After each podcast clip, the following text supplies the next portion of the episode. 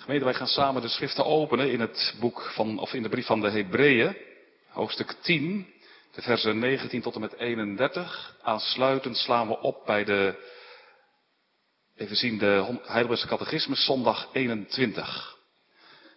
En dan lezen we die drie vragen met antwoorden nogmaals uit zondag 21, maar eerst Hebreeën 10, vers 19 tot en met 31.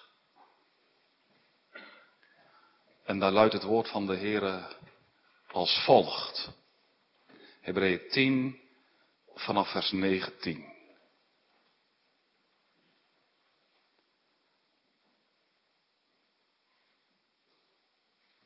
Omdat wij dan, broeders, vrijmoedigheid hebben om in te gaan in het heiligdom, door het bloed van Jezus, op een verse en levende weg die Hij ons ingewijd heeft door het voorhangsel, dat is door zijn vlees.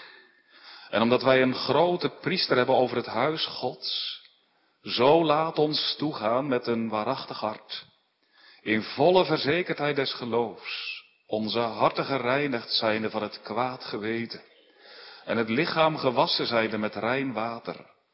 Laat ons de onwankelbare beleidenis der hoop vasthouden, want die het beloofd heeft is getrouw. Laat ons op elkaar acht nemen. Tot opscherping der liefde en der goede werken. En laat ons onze onderlinge bijeenkomst niet nalaten, zoals sommigen de gewoonte hebben, maar elkaar vermanen. En dat zoveel te meer als u ziet dat de dag nadert. Want zo wij willen zondigen nadat wij de kennis der waarheid hebben ontvangen, zo blijft er geen slachtoffer meer over voor de zonde maar een schrikkelijke verwachting des oordeels, een hitte des vuurs, dat de tegenstanders zal verslinden. Als iemand de wet van Mozes heeft teniet gedaan, die sterft zonder barmhartigheid onder twee of drie getuigen. Hoeveel te zwaarder straf meent u?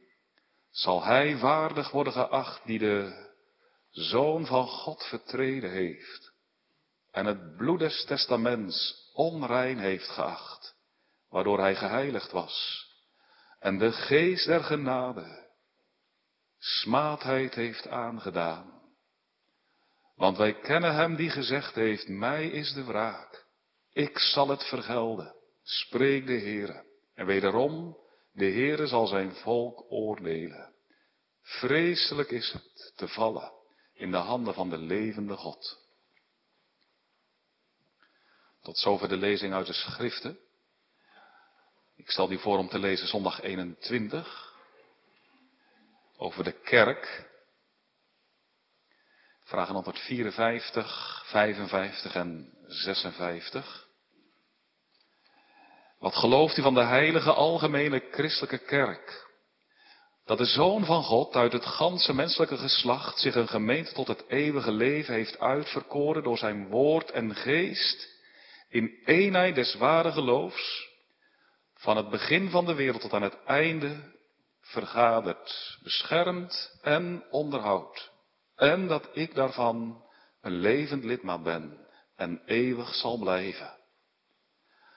Wat verstaat u door de gemeenschap der heiligen?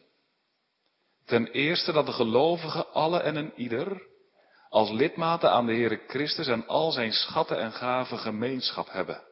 En ten andere, dat elk zich moet schuldig weten zijn gave ten nutte en ter zaligheid andere lidmaten gewillig en met vreugde aan te wenden. Wat gelooft u van de vergeving der zonde? Dat God, om het genoegdoen van Christus wil, al mijn zonden, ook mijn zondige aard, waarmee ik al mijn leven lang te strijden heb, nooit meer wil gedenken maar mij uit genade de gerechtigheid van Christus schenkt, opdat ik nooit meer in het gericht van God zal komen. Tot zover. Gemeente, het is het wekelijkse hoogtepunt van het kerkelijke leven, de zondagse eredienst. Mensen komen dan op tal van plaatsen in de wereld samen rondom het woord en de sacramenten. Zij worden stil. Zij bidden en zingen Zij luisteren naar het woord van God. En zij ontvangen zegen. Als ergens de gemeenschap der heiligen zichtbaar wordt, dan wel op dat moment in de kerk. Waarom is dat zo? Waarom is de eredienst het hoogtepunt van het gemeentelijke leven? Wat gebeurt er dan? Wat doen we dan? En waarom doen we wat we doen? Soms al eeuwenlang. Wel wil er vanmiddag, vanavond met de hulp van de Heer bij stilstaan bij de zondagse eredienst. En we doen dat nu we bezig zijn met zondag 21 van de Heidelbergse catechismus over de kerk. En we stonden de eerste leerdienst stil bij het feit dat de Heer Jezus zelf de kerk schept. Door het woord en door de geest. En dat Hij de kerk ook zelf onderhoudt en beschermt. Tweede leerdienst over deze zondag ging over de gemeenschap van heiligen. En we hebben gelet hoe belangrijk het is hè, dat de heiligen, de gemeenteleden, voor elkaar tot een hand en een voet zijn. En ook elkaar in liefde verdragen. Kan soms ook moeilijk zijn, hè? Als je elkaar tegenkomt, als dingen gebeuren die moeilijk zijn, dan kom je er ook wel achter hoezeer je aangewezen bent op de genade van God. Hè, om elkaar ook inderdaad te dragen. Hebben vorige keer op gelet. Vandaag op de eredienst. En wat ik zei, hè, omdat in de eredienst juist ook die gemeenschap van heiligen aan het licht komt. Het helderst. In de kerk bij God. Dat is het thema. Dat is ook de titel van een boekje over de eredienst. Ik dacht, dat vind ik wel een mooi thema ook voor vanavond. In de kerk bij God. En waar ik drie aspecten voorafgaand aan de eredienst. Ik wil kort iets zeggen over wat de eredienst is en ook hoe je je daarop kunt voorbereiden. Tweede plaats tijdens de eredienst. Dan wil ik enkele momenten die tijdens de eredienst plaatsvinden aanstippen. Bepaalde onderdelen, hè, schriftlezing, het zingen, eh, gebed. Onderdelen waarbij de gemeente ook echt betrokken is. Derde plaats na afloop van de eredienst. En dan wil ik heel kort nagaan hè, hoe je omgaat met dat wat je tijdens de eredienst hebt ontvangen. En twee punten kort noemen. En dus in de kerk bij God. Voorafgaand aan de eredienst, tijdens de eredienst en na afloop van de eredienst. Gemeente, het lijkt misschien gewoon, maar het is het allerminst dat we op zondag in de kerk samenkomen voor de eredienst. Dat is juist heel bijzonder. Dat is het onbetwiste hoogtepunt van het gemeentelijke leven. wij komen samen in een afgezonderde ruimte, het kerkgebouw, in een afgezonderd tijdsbestek, afgezonderd deel van de dag. S'morgens half tien tot elf uur, s'avonds half zeven tot acht uur. Dan, in dat tijdsbestek, in die plaats in de kerk, klinkt de stem van God. Woord van de Allerhoogste. God zelf richt zich dan tot de gemeente. Hij spreekt. Dat is werkelijk ongekend om stil van te worden. Dat de gemeente van God samenkomt, dat zien we al in de tijd van het Oude Testament. Dat is eigenlijk zolang er een kerk is. Het volk van Israël, dat zwerft op een zeker moment na de uittocht van Egypte en de doortocht door de Rode Zee in de woestijn onder de leiding van Mozes. En dan roept de Heer het volk keer op keer samen bij de tent der samenkomst. De tabernakel. En de Heer belooft bij monden van Mozes daar zal ik bij u komen. En daar zal ik tot u spreken van boven het verzoendeksel af, van tussen de gerubim, die twee engelen. Exodus 25, vers 22. Hè? Later, als het volk Canaan heeft ingenomen en nou, dan het koninkrijk ook is gevestigd en die stammen zich over heel het land hebben verspreid, hè, dan komen de mensen op zondag ook samen, op Shabbat. De eeuwen door is dat zo geweest. Hè? En in de tijd van de Heer Jezus zien we dat ja, dat de Joden dan op Shabbat, op de Sabbat, samenkomen in de lokale synagoge. En dan lezen ze uit de schriften, dan zingen ze de psalmen en dan spreken ze de gebeden uit.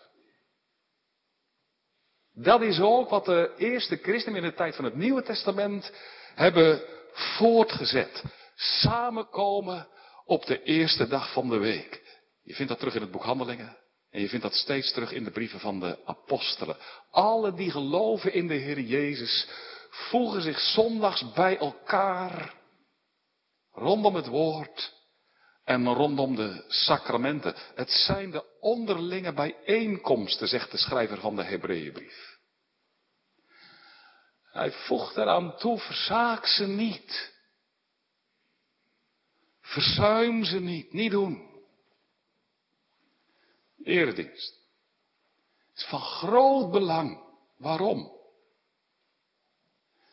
Wat maakt deze eredienst nu zo bijzonder?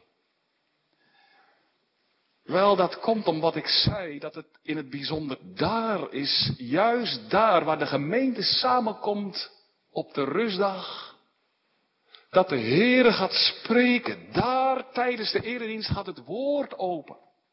Het woord. De mond van God.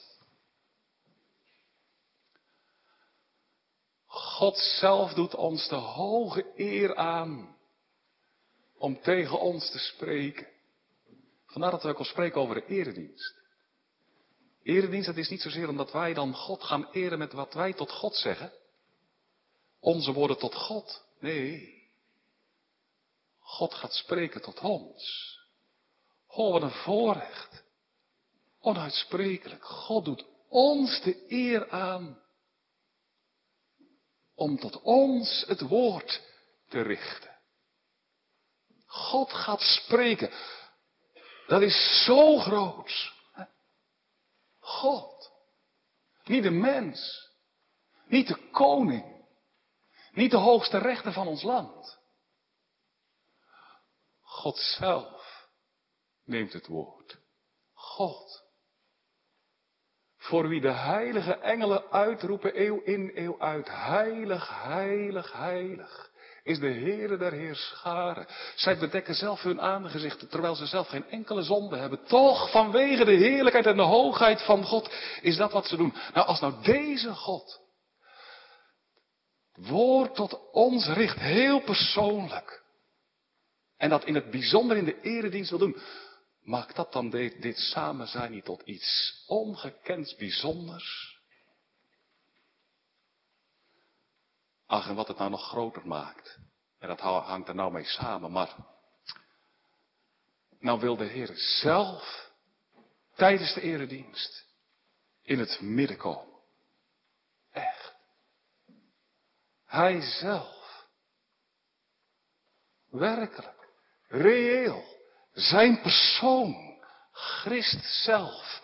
De levensvorst. Die gekruist is maar ook is opgestaan. Hij zelf wil in het midden van de gemeente nabij zijn en het heil dat hij heeft teweeggebracht 2000 jaar geleden, zijn bloed dat hij heeft gestort, dat wil hij uitdelen terwijl hij in het midden van de gemeente is. Zoals de Heer Jezus op de dag van zijn opstanding de discipelen opzocht. Ze zaten daar bevreesd achter de gesloten deuren en oh wat kan er in ons hart ook vrees zijn hè. Maar de Heer Jezus zocht ze op en hij maakte zichzelf daar bekend. Hij toonde zijn handen, zijn littekens. Hij sprak tot hen. En dat nu is wat de Heer Jezus ook nu wil doen. Bij ons komen.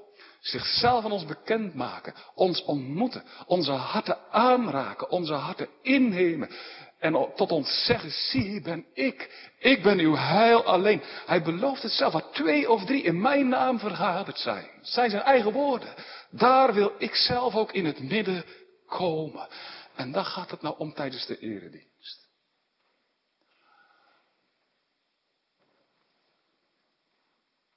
Hij zelf aanwezig. Dat is wel echt. Daar kan ik geen woorden voor geven. U zegt misschien, ja, daar vertelt u mij eigenlijk niks nieuws mee. Ja. Ik wilde dat ik dat echt allemaal u onder ogen kon brengen. Hoe bevoorrecht u daarmee bent. En waarom het daarom zo, waarom het, daarom, waarom het zo, zo, zo ongekend groot is. De eredienst. Christus zelf wil er nabij zijn. Present zijn. Hè? Wat moeilijk woord misschien, maar het gaat in de eredienst om de presentie van de Heer Jezus in het midden van de gemeente. Om zijn tegenwoordigheid. Wij komen hier niet samen om iets over de Heer Jezus te horen. Om onderwijs over Hem te krijgen. Om iets te leren over de Heer Jezus, dat ook. Maar het gaat veel verder. Het is veel groter en veel rijker. Wij zijn hier bijeen omdat de Heer Jezus zelf in het midden wil komen. Onze harten wil aanraken en zijn heil aan ons wil uitdelen. Ach. Daarom zijn we bijeen. Dat hij onze harten aanraakt. En dat we ons mogen ervaren. Tijdens de dienst. Dat kan hè. Juist tijdens de eredienst. Dat het mag komen tot een persoonlijke ontmoeting met de Heer Jezus. Dat je ogen van geloof krijgt om op Hem te zien. Ging je misschien wel zonder verwachting naar de kerk. Dat je van, nou, ik ga nog één keer, heb wel mensen horen zeggen. Hè? U misschien ook. Ga nog één keer. En dat het die keer juist raak was. Ken je dat? Dat je, dat je, dat je hier neerzet en misschien wel moedeloos. En dat je hart werd aangeraakt door de kracht van de Heilige Geest. Hè? Dat je ogen kreeg om op de Jezus te zien. Dat je geestelijke smaak kreeg. En dat je proefde de bitterheid van de zonde. Maar dat je ook proefde de, de zoetheid van de genade. Nou, zulke diensten zijn onvergetelijk toch? Dat zijn erediensten die krijgen een gouden rand. Dat is wat de Heer doet. En dat is wat de eredienst zo bijzonder maakt. God neemt het woord, Hij komt in het midden. God, de koning van alle koningen en de Heere der heren. Hij die het eeuwig waard is dat alle knie zich voor Hem buigt. Ach, als dat zo is, en dat is zo. Ach, dan is het toch ook wel zeker goed hè, en ook nodig om je op de eredienst voor te bereiden, niet waar? Hè? Dat zou je ook doen als, als je zou weten dat van de week koning Willem-Alexander bij je komt, toch? Dan zou je ook, ja, dan zou je ook je daarop voorbereiden, op instellen. Dan, dan, dan, ja, dan denk je daarover na, geef je daar aandacht aan. Hè? Hoe kan ik hem nou het beste ontmoeten, de koning? Nou, zo is het ook goed en nodig om je voor te bereiden op de zondagse eredienst. Ik zou zeggen, begin er op maandag al mee. Morgen. Vooral ook door gevouwen handen, door het gebed. Heren, als u het geeft, komen we zondag weer bijeen. Mogen we naar de kerk. Wilt u dan zelf in het midden komen? Wilt u dan zelf spreken? Wilt u de dominee helpen? Die op maandag al begint met de voorbereiding van de prediking. Geeft u met licht van uw heilige geest. Zegent u hem. Opdat we zijn woorden mogen begrijpen. Helder zullen zijn, maar ook opdat zijn woorden ja, kracht mogen doen in, in, in, in, in de harten van anderen, maar ook in mijn hart. En moet je maandag al mee beginnen. Zei ik keer iemand tegen een dominee, eh, op zaterdagavond doe ik altijd voorbeden voor u om, om, om licht voor de prediking. Hij zegt, nou dat is wel laat. Hij zegt, op, op maandag begin ik al met de voorbereiding. Begin ermee. Vraag de Heer om zijn licht en wijsheid. Hè? Is ook belangrijk als je ja, naar de eredienst toeleeft, je te binnen te brengen. In de kerk kom ik voor het heilig aangezicht van God. En dat je zegt, Heere, vervul mijn hart met eerbied. Laat mij onder de indruk zijn van uw heerlijkheid. En, en, en geef mij ook verlangen om naar uw huis te gaan. Hè? En, en, en geef ook als ik opga, dat ik dan mijn zorgen achter me mag laten. De zorgen voor, school, de zorgen voor mijn werk. Al dat wat me zo kan bezitten. Geef dat ik me geheel en al dan mag richten op u en op uw woord. Dat laatste is natuurlijk belangrijk. je richten op het woord van de Heer. En daarvoor is het heel belangrijk dat je als je naar de kerk gaat uitgerust bent. Dat je wakker bent. Dat je het goed kunt volgen. Dat je tijdens de verkondiging echt kunt richten op wat er wordt gezegd. Dat je je kunt concentreren, hè? dat je erbij bent. Daarom zou ik zeggen, ga op zaterdagavond altijd op tijd naar bed. En ga er zondagsmorgens altijd ook op tijd uit. En niet op het laatste nippertje. Deed ik als tiener. Bleef zo lang mogelijk liggen. Niet doen. Snel je kleren aan. Snel een kam eh, door je haar. Gauw nog even wat eten. Hup, een boterham en dan hup naar de kerk. Nee. Sta ruim van tevoren op. En buig je knieën. En zeg, ach heren, vandaag is het uw dag, de koningin der dagen, de zondag. Komt u in het midden, alstublieft, heren. Blijft u niet achter. Geef zegen. Hè, en, en, en, en maak de woorden van Sa. Weet je wat Samuel zei? Weet je wel, hè? Die, die woorden moet je zondagsmorgens ook bidden. Heren, u gaat spreken. Laat uw knecht horen, uw dienaar, uw dienares. Spreek, heren. Als God gaat spreken, de verheven majesteit. Ach, zullen we dan ook niet stil worden, eerbiedig? Daarom is het ook goed hè, als je op zondag in de kerk je plekje inneemt. Dat je tot verstilling komt. Verstilling. Dat het stil wordt. Ook in je hart. Je groet elkaar. Fijn om elkaar te zien, tuurlijk. En, en, en je deelt misschien even iets. Maar dan is het ook echt goed om jezelf voor te houden. Nu gaat God zelf tot mij spreken. Nu is het ook goed dat wij zwijgen. En dat ik ook niet anderen ga afleiden met allerlei, nou vergeef me het woord, maar met allerlei geneuzel. Wij uh, hebben een camper gehuurd, we gaan op vakantie. Oh ja zeg, waar ga je naartoe? We gaan naar Oostenrijk. Oh, zijn we ook wel eens geweest. Wij gaan dit jaar naar Normandië. Ook heel boeiend. Nee. We zijn in de kerk. God zelf gaat spreken. Hij heeft al gehoord van Piet van der Riel. Ken ik niet. Gaat verhuizen, krimp aan de lek. God de Allerhoogste gaat spreken. Richt je op de zaken van de eeuwigheid. Niet op al dat tijdelijke. Dat kan door ook wel. Nu gaat het om het eeuwige, om de onzichtbare dingen. Zijn in de kerk. We naderen voor het heilige aangezicht van God, die te rein van ogen is dan dat hij het kwade kan zien. Doen we er dan niet goed aan om met de dichter van Psalm 62 te zeggen, mijn ziel is immers stil tot God. Van hem wacht ik een heilrijk lot. Nou. En ja, dan is het half tien of half acht, half zeven. En dan begint de dienst, hè? En dan ben je er toch wel bij. Twee keer. Tijdens het morgenoffer offer en het avondoffer. Je verzuimt toch niet de onderlinge bijeenkomsten. Ach, ik ben altijd heel blij en ook dankbaar, hè? Als ik u hier mag zien en u trouw opkomt. Hè, en u uw plek inneemt. En veruit de meesten doen dat ook. Hè. En dat is ook een zegen. Hè. Daar is zegen van te verwachten. Juist ook het gestage opkomen naar de kerk. Hè. Daar ligt zegen in. wil de Heer echt doen. Nou, misschien voel je wel eens de aandrang hè, om, nou, dat het in je hart is, nou vandaag blijf ik eigenlijk liever thuis. Hè. Ik kan thuis ook wel luisteren.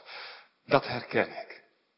maar laten we elkaar opwekken om er niet aan toe te geven. Het blijft nooit zonder een goede reden thuis. Als je dat wel doet, ja, dan verzaak je God en zijn dienst. Dan bezondig je je. Nou, ja. En de Heer wil echt dat zijn gemeente zichtbaar samenkomt. En dat iedereen het kan zien. Dat de Heer als het ware met zijn gemeente vanavond ook kan pronken. En dat hij als het ware zegt, wereld, duivel, Zie eens, dit is mijn gemeente en hier woon ik. Is de kracht van mijn geest, waardoor deze gemeente tot stand is gebracht, eeuwen geleden en tot op de dag van vandaag. Mag u hier zijn, zoals de Heer wil. Pronken met de gemeente, jawel. En ook, kom ook op, hè. Als je kijkt, er kunnen natuurlijk wettige redenen zijn waarom dat niet kan, maar anders echt komen. De Heer wil ons daarom ook helemaal erbij hebben. Het is, om, het is hem niet alleen te, doel, te doen om het behoud van onze ziel ook, maar het is hem ook te doen om het behoud van ons lichaam. Niet alleen onze ziel heeft redding nodig, ook ons lichaam. Moet ook gered worden van het eeuwig verderf. En dat is wat de Heer ook wil laten zien. Deze gemeente, ik heb ze op het oog. En ik heb het behoud van al die zielen op het oog, maar ook van hun lichamen. Heel hun mens zijn. Gaat mij aan het hart. Nu. Daarom verzuim de onderlinge bijeenkomsten niet. Tijdens de dienst zijn er altijd onderdelen die hetzelfde zijn en die steeds terugkeren. De eredienst heeft een patroon, een vorm, al is het waar. Ene gemeente richt zich, richt die dienst op sommige punten iets anders in dan andere. Gaat niet overal exact op dezelfde manier. Maar toch zijn er wel elementen hè, die, steeds, die steeds terugkomen overal. Ik wil graag enkele van die elementen voor het voetlicht halen. Ook om iets te zeggen over waarom we doen wat we doen. En misschien mag ik dan beginnen bij het moment waarop de kerkraad binnenkomt. Dat is nog niet het begin van de eredienst, maar wel een belangrijk moment. want dan voegen de mannen en broeders zich bij de gemeente. En zo'n moment dat aangeeft, dan gaan we bijna beginnen. De kerkraad voegt zich bij de gemeente. En dat is belangrijk, omdat in elke eredienst de ambten vertegenwoordigd moeten zijn. Het ambt van ouderling en onder hen ook het ambt van predikant. En ook het ambt van diaken. Zonder ouderling en zonder diaken kan er geen eredienst plaatsvinden. En dat komt omdat zij als ambtsdragers Christus zelf vertegenwoordigen in het midden van de gemeente. Christus regeert zijn gemeente door hen. Dat wil hij doen. Het maakt ook waarom we de ambten hoog hebben. Christus zelf regeert gemeente, u en mij, door ouderlingen. Die toezien op leer en leven, ook door diakenen. Die in de naam van de Heer Jezus zelf mensen in nood ondersteunen met woord en daad. Nu, als de kerkraad er is, hè, dan volgt stil gebed waarin de gemeente de Heer om een zegen vraagt. En dan is er ook het moment waarop de eigenlijke dienst begint, namelijk met fotum en groet. Dat is het begin. Het allereerste. Dan begint de dienst. Fotum en groet. Fotum onze hulp is in de naam van de Heer, die hemel en aarde gemaakt heeft en die trouw houdt tot in eeuwigheid. En nooit laat varen enig werk dat zijn hand begon. dat zijn woorden samengesteld uit enkele psalmen. Maar door dat fotum zo uit te spreken, beleiden we onze diepe afhankelijkheid van de Heer en wijden we deze dienst aan Hem. En dan volgt de groet. Genade zij u en vrede van Hem die is en die was en die komen zal, van de Heer Jezus Christus. En dat is al zo bijzonder. Dat je hier nou mag zitten, de dienst gaat beginnen, je hebt een week achter je, zes dagen. Hoe heb je geleefd? Vele zonden. Meer dan dat je ooit zelf kunt zien. Stroom, gedachten, woorden, werken. En dan het eerste wat God zegt. Door zijn dienaar, gezant van Christus. Vrede zij u. Genade en vrede. Zie? Dat is toch rijk. Dat is al een preek op zichzelf. Genade zij u. En vrede. Nou, dan volgt de lezingen van de wet van God, hè, de tien woorden. Moet dat elke zondag? Jawel. Dat is nodig, maar ook goed. Om te zien wie God is. Zo heerlijk en zo groot, zegt God. Kijk, dit is wat ik wil. Dit is wat in mijn hart is. De tien woorden, de tien geboden. Zijn ze niet heerlijk en schoon en zuiver? Is mijn wil niet goed? Het mij lief boven alles. En de mensen om je heen als jezelf. De wet, jawel, die moet worden gelezen. Hè, om te laten zien hoe, hoe heilig en groot en goede Heer is. Maar tegelijkertijd ook. Oh, wie zijn we zelf? Tegenover deze Heer. Hè? dat is wat de Heer ook voor heeft met de wetslezing. Zijn heerlijkheid laten zien en in het licht van zijn heerlijkheid onze zonde. Opdat wij ons voor God verootmoedigen. Dat hè? Klein maken. Buigen voor Hem. Juist ook in de kerk. En want in de weg van de verootmoediging is zegen te verwachten. Op deze zal ik zien, zegt de Heer zelf in Jezaja 66. op de armen en de verslagenen van geest en die voor mijn woord beeft. Daarom de wetslezing. En dan na de wetslezing, waarin we de grootheid van God zien, maar ook de nietigheid en zondigheid van onszelf. Dat is het doel ervan. De Heer moet het zegenen, zeker.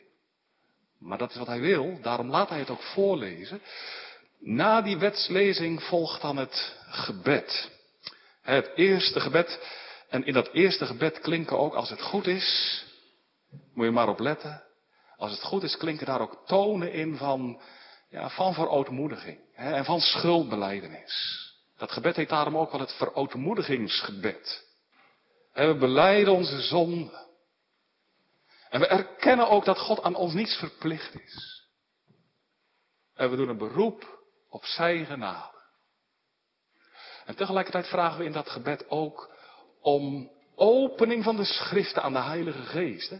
De Heilige Geest die de schrift heeft laten opstellen, die de schriften aan de gemeente toevertrouwt, diezelfde Heilige Geest is het ook die de sleutel heeft om die schriften te openen, zodat we, ja, helder zien wat de boodschap is waarmee de Heer tot ons komt. Hè? Daar bidden we ook om. Verootmoedigingsgebed, meer aan het einde van de dienst is er ook het gebed. Zeker s'morgens is dat gebed er ook vooral voor de, uh, de voorbeden en de dankzeggingen. Voorbeden voor elkaar, voor de noden van de gemeente, voor de noden van de samenleving, de wereld om ons heen. En ook dankzegging. En voor al het goede dat de Heer geeft. Ook om Hem te eren en te aanbidden. En dan na het fotum en de groet en de wetslezing en het gebed, dan komt eigenlijk het belangrijkste onderdeel van de eredienst. Wat dan? De lezing uit de schrift. Lezen uit het woord van God. Het lezen uit de schrift, dat is maar niet een aanloopje naar de preek. Of een opstapje tot de preek. Nee, maar dat heeft echt een heel eigen plaats. Schriftlezing. Dat is eigenlijk de kern. klinken echt de woorden van de levende God. Dat dat zo belangrijk is, dat zien we ook in het leven van de Heer Jezus. Wij lezen dat hij op Shabbat naar de synagoge gaat, Lucas 4. En dat is eigenlijk het eerste wat hij doet, hè, als hij aan Israël is verschenen. En dan gaat optreden, dan, ik zou hebben gedacht van nou dan gaat hij een groot wonder verrichten. Ja, als gaat beginnen. Hè. Hij gaat blind het gezicht geven, doven het gehoor of nog groter. Hij wekt meteen iemand op uit de doden. Dat, dat, dat zou ik denken. Hè. Jij niet? Eerst wat Heer Jezus gaat doen, als hij gaat optreden, verzocht is in de woestijn, naar de synagoge. En wat gaat hij daar doen? Hij krijgt een boek aangereikt en hij gaat lezen. Een boek, het boek. De schriften, de woorden van God. Nou, dat is wat de Heer Jezus doet. Gaat hij het voorlezen. Dat boek. Ja, dat boek is van zijn vader. En dat boek is geïnspireerd door zijn geest. En dat boek dat gaat over hemzelf. Over zijn persoon en over zijn werk. En dat hij gekomen is naar deze wereld. Niet om te veroordelen, maar om te behouden. Dat is de schriftlezing. Heel belangrijk. Daar klinkt de stem van de levende God in door. Het is de stem van de levende God. En dan is er de prediking. Ook van groot belang, hè? Oh ja. Het is het woord van God.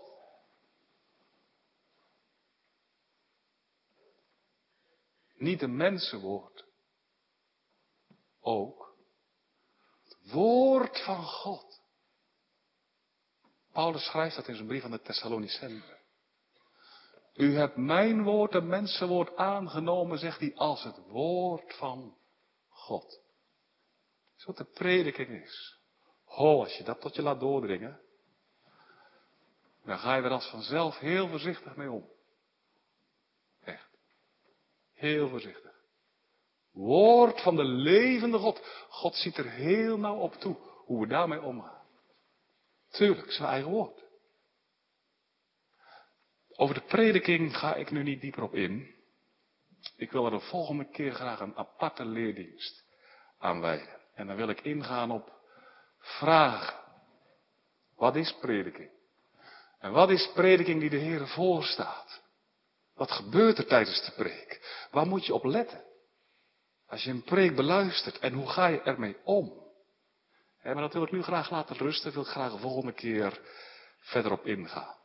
Waar ik nog wel graag iets over wil zeggen, is het zingen. wij zingen psalmen. Ik krijg eens geregeld de vraag van jonge mensen. En dat vind ik ook altijd heel mooi. Ik hou van vragen. Hè? Als je jonge, jonge vrienden, als jullie vragen hebben, kom er mee. Hè?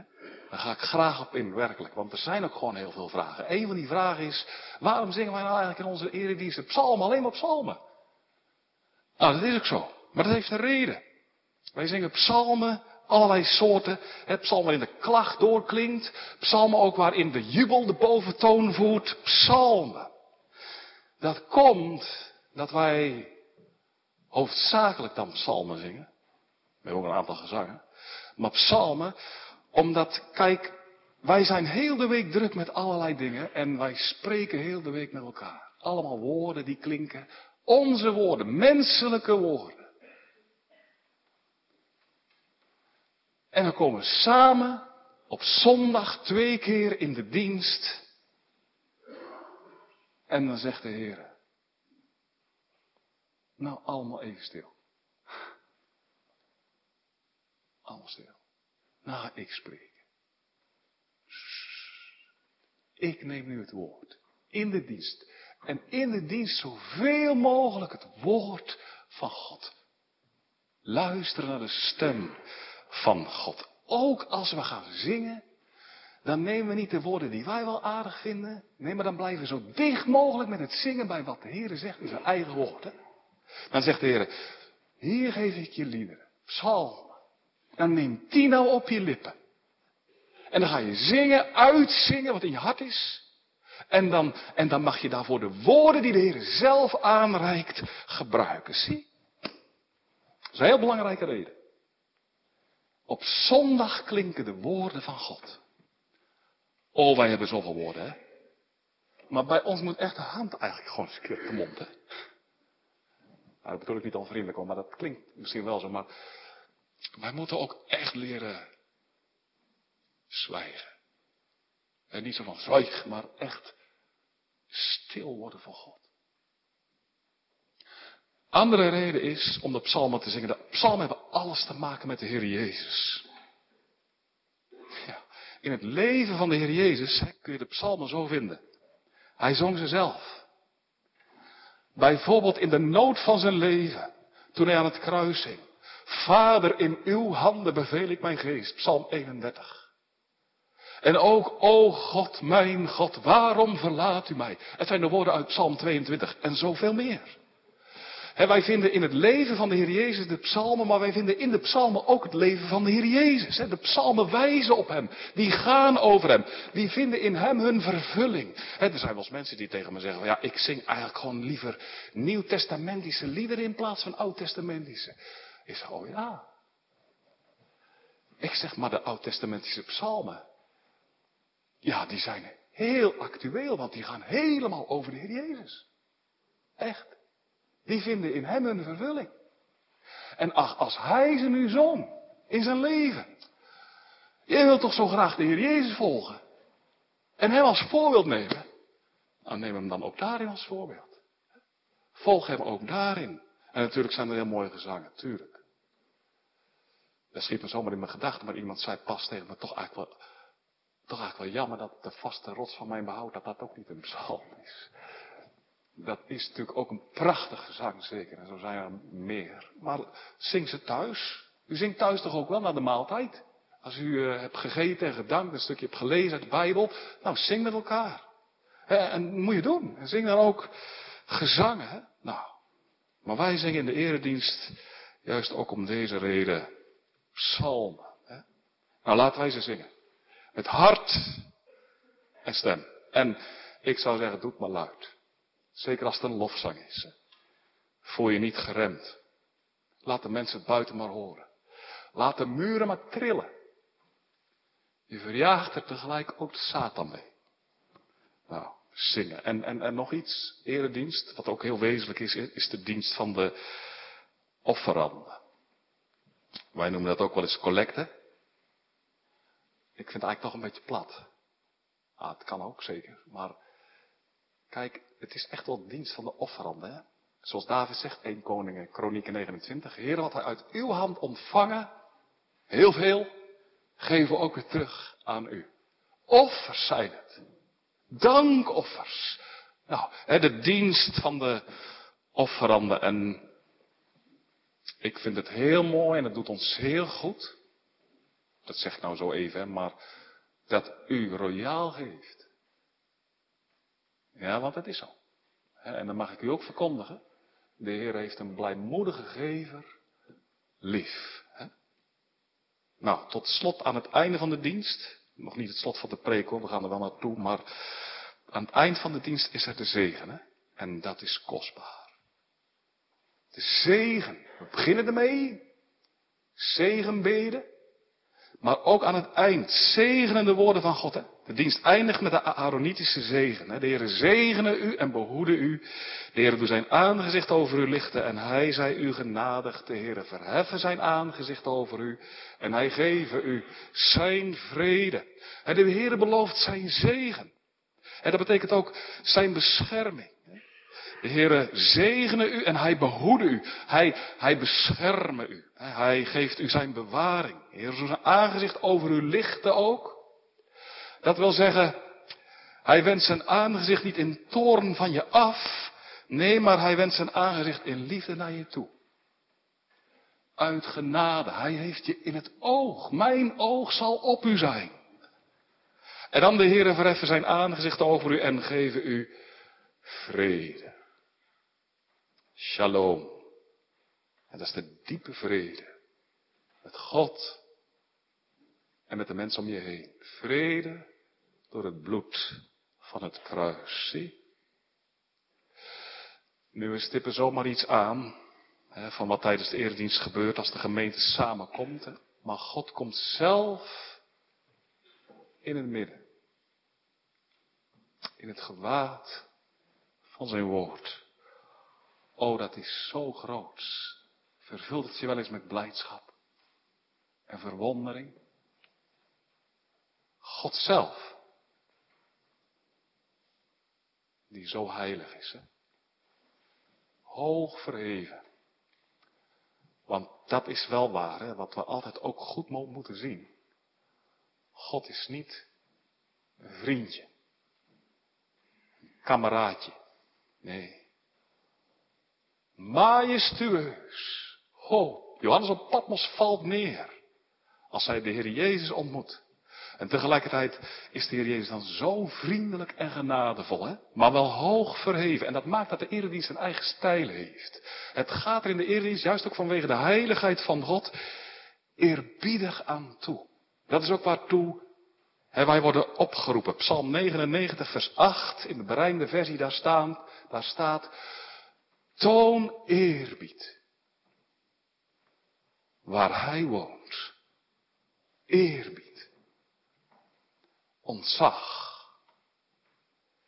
Wees onder de indruk. En dat kun je ook uiten. In je houding. In de stilte.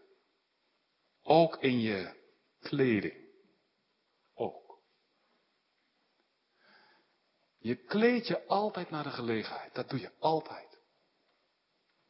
Als je naar, als je, als je naar je werk gaat, dan draag je wat op je werk gewoon is. Toch?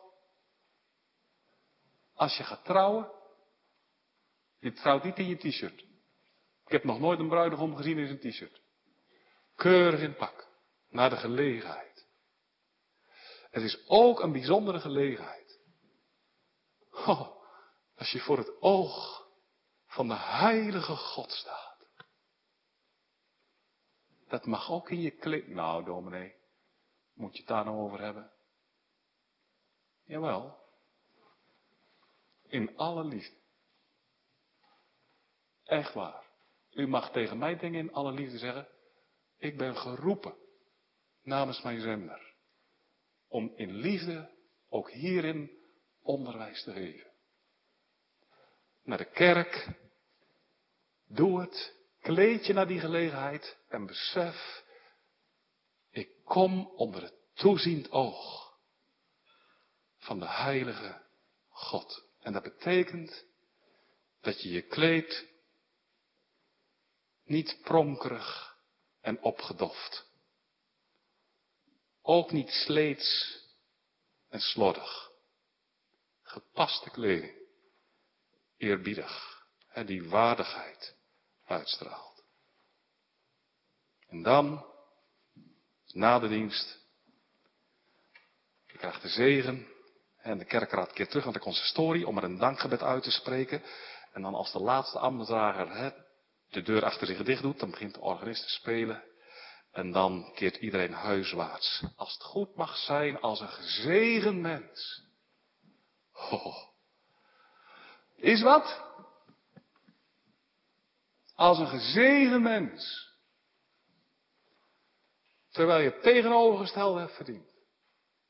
Als een mens die de woorden van God zelf, de allerhoogste majesteit, zijn toevertrouwd. Nou, zo mag je naar huis. En wat dan, hè, als je de kerk verlaat? Hoe ga je dan om met wat je hebt ontvangen van de Heer, van de woorden van God? Dan wil ik nog twee dingen noemen. Eerste is, laat het woord, hè, dat je in de tijd die volgt diep tot je doordringen als het door God gesproken wordt. Overweeg het. Bemediteer het, hè? zoals Maria deed, de moeder van de Heer Jezus. We lezen over haar, Lucas 2, vers 19. Zij bewaarde de woorden die ze had ontvangen en overlegde die in haar hart. Nou, dat, daar gaat het om, hè? dat je de woorden die je hoort in je hart bewaart. Niet meteen de straat ermee opgaat en anderen het gaat bespreken. Mag ook, als je dat op een goede manier doet, maar eerst in je hart bewaren en, en overleggen. Als een diamant. Van de ene kant bekijken, van de andere kant. En, en laat dat woordje tot een wonder zijn. Laat de heerlijkheid van de schriften je hart vervullen. Ach ja. Ik weet, als je naar huis gaat, dan kan er van alles op je afkomen, zodra je de kerk uit bent. Heer Jezus waarschuwt er al voor in de gelijkenis van het zaad. En dan zegt hij in Lucas 8, laat het zaad dat is gestrooid niet verstikt worden. Kan zomaar gebeuren, hè? door de zorgvuldigheden van het leven. Dat je, als je de kerk uit bent, dat je denkt, oh ja, morgen dan, uh, dan heb ik een moeilijk gesprek op de zaak. Hoe? Nee, laat eerst dat woord zijn werk eens doen. Door de zorgvuldigheden van het leven of de verleidingen van rijkdom. Of kan ook door een kritische geest. Dat het zaad daardoor ook niet kan wortelen. Nee, maar overweeg het woord en ontvang het woord ook in blijdschap. En, en, en, en, stel jezelf, en, en, en, als je mensen in huis hebt, stel jezelf een vraag over. Wat heb jij gehoord vanavond? Niet van, uh, hoe vond je de preek? Maar, nee, maar waar ging het nou eigenlijk over? Hè? En, en, en, en wat was nou de boodschap van Gods wegen voor mij? Wat heeft het jou te zeggen en hoe gaan we hiermee om? Hè? Nou dat. Ontvang het woord en bewaar het in je hart. Dat is het eerste. En dan het tweede. Draag in liefde uit wat je hebt gehoord. Draag het uit. In je handel en wandel. In je doen en laten. In je spreken met mensen. Getuig van de goedheid voor God en zijn genade voor zondaren. Ach. En als je tijdens de dienst hebt mogen zien op de Heer Jezus Christus. Op zijn wonden. Dan weet ik zeker dat dat ook het verlangen van je hart wordt. Om dat te gaan delen. En met anderen. En dan, als je, als je daar vol van bent, ja, dan wil je het kwijt toch. Hè? Ik heb anderen al de rechten van uw mond met lust verteld en vlijtig onderwezen. Dan ga je net doen als Andreas. En die had de Heer Jezus ontmoet. Johannes wees hem aan als lam van God. Hè? En, en Andreas die gaat de Heer Jezus volgen. En die ontmoet de Jezus. Nou, die, die ging vervolgens niet naar Petrus en die zei niet tegen Petrus van, joh, wel echt wel interessant. Ik heb de Heer Jezus ontmoet. Nou, maar dan ga ik gauw weer aan mijn werk. Nee. Hij zegt tegen Petrus, oh, ik heb nou toch iets meegemaakt. Ik heb hem ontmoet. Van wie Mozes en de schriften getuigen. Christus Jezus uit Nazareth. De Messias, de gezalfde van God. En door hem vrede met God. Die man was er vol. En die zegt, Petrus, ook mee. Jij moet ook naar de Heer Jezus. En nou, dat is wat het woord bewerkt. Zie, en, en, en, dat nou. Deel het uit, hè. Zie op de Heer Jezus. Zijn lijden sterven. Verwonder je over zijn werk. En spreek er met anderen. Kom. Nee. Zo stonden we stil bij de eredienst. Op zondag. Hoeveel waarde heeft ze voor u? Amen.